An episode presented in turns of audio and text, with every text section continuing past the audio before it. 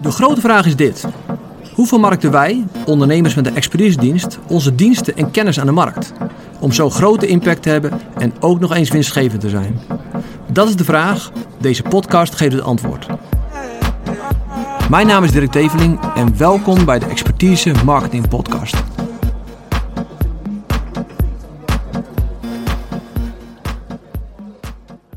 Stel een, een content framework met jullie door, zodat jullie eigenlijk een beetje hou, handvaten hebben om verder mee te gaan. En als er nog tijd is, kun ik even een, bijvoorbeeld een, stukje content laten zien hoe ik dat dan toepas. Is dat uh, nuttig? Want we gaan wel opeens een hele grote duik nemen om naar het concrete, maar misschien ook wel erg leuk. Um, ja, de psychologie, psychologie achter pool marketing. Je wil dus klanten aantrekken in plaats van dat je dus te pushen en verkoperig bent en zit te pitchen en iets door iemands strot wil duwen. Je wil dat mensen naar je toe komen en daar is content voor. Um, dit is een framework wat wij ontwikkeld hebben daarvoor. En ik zal hem even toepassen op, uh, nou we hadden het over afvallen of over buitenspelen. Uh, maar dan, wordt het lekker concreet. Je begint altijd met de symptomen. Dus iemand zit op zijn telefoon te scrollen op social media. Uh, dan kan je zeggen, ik heb een afvalprogramma en, en, dat is heel goedkoop en ik ben altijd bereikbaar. Nou, dat moet je niet doen. Maar je begint bij de symptomen. Als je s morgens opstaat, heb je dan ook stramme knieën. Uh, als je op schoolplein je kinderen naar school brengt, heb je ook een bepaalde schaamte. Uh, heb je angst dat je nou later niet meer vitaal en fit bent? Daar begin je mee. Als iemand dat leest, dan stopt hij met scrollen. Hé, hey, ja, dat herken ik. Dus je gaat niet over praten, je moet afvallen of je bent te dik. Maar je zegt de symptomen die ermee te maken hebben. Vervolgens ga je zeggen, oké, okay, wat hebben mensen al gedaan wat niet werkt? Dus je, je, nou, je, je voelt je stram en je voelt deze symptomen. Dus je bent, je hebt een, eh, een afval, of je hebt gezegd, ik ga nu gewoon minder eten. Nou, dat lukte niet. Je hebt een crash dieet gedaan, dat lukte niet. Je bent uh, met 1 januari ben je drie dagen sporten. En dat lukt niet. Dus daar ga je de dingen noemen die niet werken. Wat er dan gebeurt in de lezer, die denkt, hey, shit hé, deze persoon snappen, want ik, al die dingen heb ik al geprobeerd. En wat er ontstaat is nog meer nieuwsgierigheid om wat dan wel. Heb je dus je, je trigger iets van binnen. En denk oké, inderdaad, dat heb ik geprobeerd. En dat werkt niet, dat werkt ook niet. Ah ja, ja. En dan komt er vast nieuwsgierigheid. En dan ga je verder. En die is heel gemeen, maar ook wel heel eerlijk. Wat nou als je niets doet? En je wordt elk jaar drie kilo zwaarder. Uh, hoe zwaar ben je dan als je 60 bent? Uh, en wat voor gevolgen heeft dat? Kan je dan wel met je kinderen of met je kleinkinderen spelen? Of lig je dan de hele dag op bed? Uh, je houdt mensen een spiegel voor. Nou, dat vinden mijn klanten uh, het meest vervelende. Maar het is wel eerlijk, want als iemand niks aan het probleem doet, gaat dat probleem groter worden en zijn de consequenties groter. En je houdt heel simpel eerlijk een spiegel voor. Als je niks doet aan je personeelsverzuim, dan gaan ze verlopen. En dan, dan heb je zometeen nog minder personeel en dan dus laten zien, oké, uh, ik, ik sprak Jan, Jan is directeur van dat, dat bedrijf. Hij dacht, ah, dat komt wel goed met het personeel, dat, is even, dat verzuim is even tijdelijk, dat fixen we wel. Uh, hij deed er niks aan en nu is hij viert. Uh, je kan ook zeggen, als jij niks doet, dan ga je viert binnen vijf jaar. Nou, dan, gaan mensen in de verweer. Maar als je een beetje storytelling doet, eromheen draait, of dus met een case neemt, dan denken we, shit ja, dat is wel een, uh, een goeie. Oké, dus dat is heel belangrijk. Het, het gevolg laten zien, wat als je niets doet. In de meeste markten komt dit niet voor. Maar hij is heel sterk. Het is de emotionele trigger. Dit, psychologisch doet het iets met mensen. Denk, hé, hey, maar dit wil ik niet. Want er moet er zeg maar een soort uh, oergevoel komen van hé, hey, maar ik wil niet uh, 100 kilo zijn en ik wil wel met mijn kinderen spelen, mijn kleinkinderen spelen. Dus dat moet je aanwakkeren.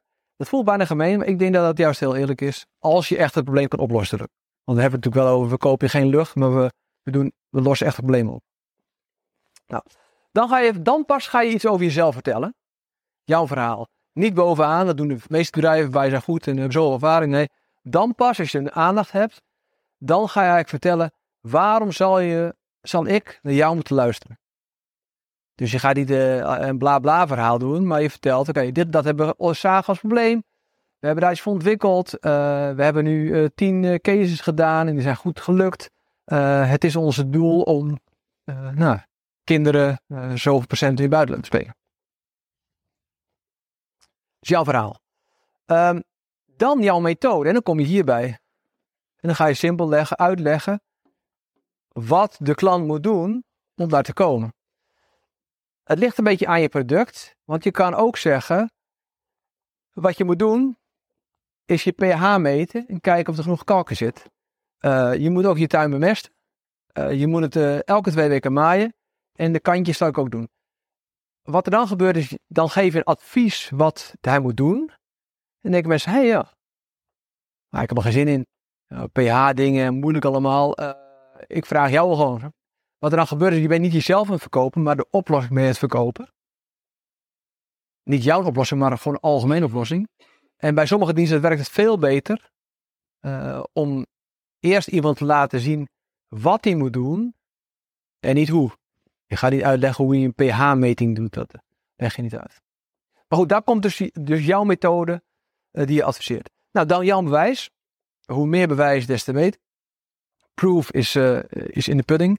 Dus mensen moeten het zien. Oké, dit, dit is legitiem, dit werkt echt. Dan kom je bij bezwaren. Je, als het goed is, weet je al, door je validatie en door je ervaring met de klanten, weet je al wat hun ja-maars zijn. En die ja-maars wil je niet in een verkoopgesprek.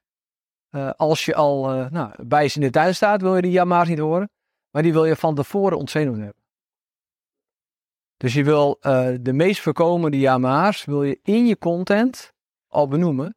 Zodat als je met iemand in gesprek bent, die geen ja-maar meer kan zeggen. Want hij heeft die ja-maar al gehoord. Of de uitleg van die ja-maar al gehoord. Dus die is helemaal geen discussie meer.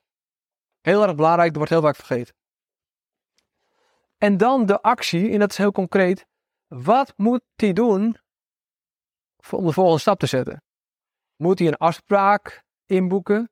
Moet hij bellen? Moet hij een mail sturen? Moet hij een paper downloaden? Moet hij een videotraining bekijken? Moet hij een test doen? Moet hij een scan doen? Nou, wat moet hij doen? En dit wordt ook vaak vergeten. Je moet tegen een potentiële klant zeggen: Wil je verder? Doe dit. Heel concreet. Klik op deze button. Ga verder. Vraag gesprek aan.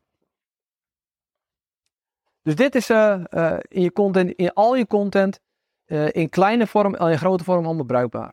Als je een webinar geeft met, over een kennisdienst, kan je deze hele structuur gebruiken.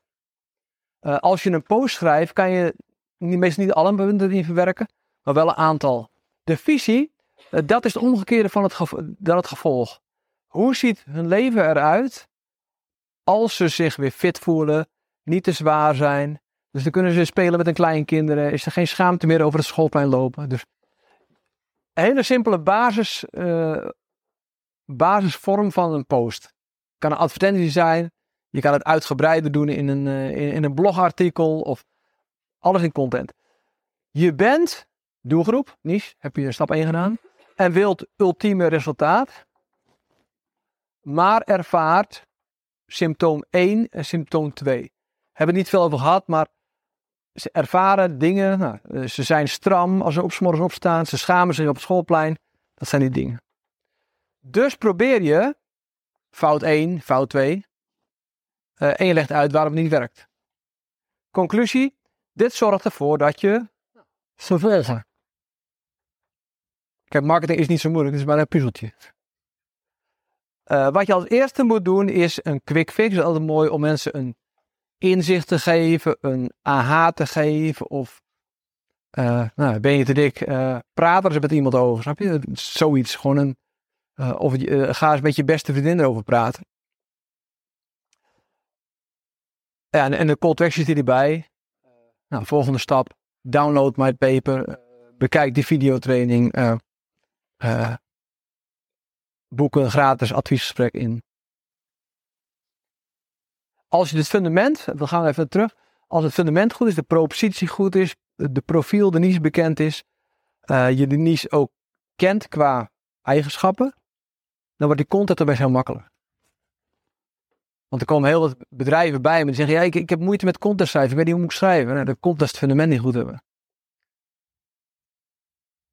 Dus het is eigenlijk een hele analytische proces. Alles uitwerken, valideren en vervolgens kom je nou, bij makkelijk, kan je makkelijk goede content maken.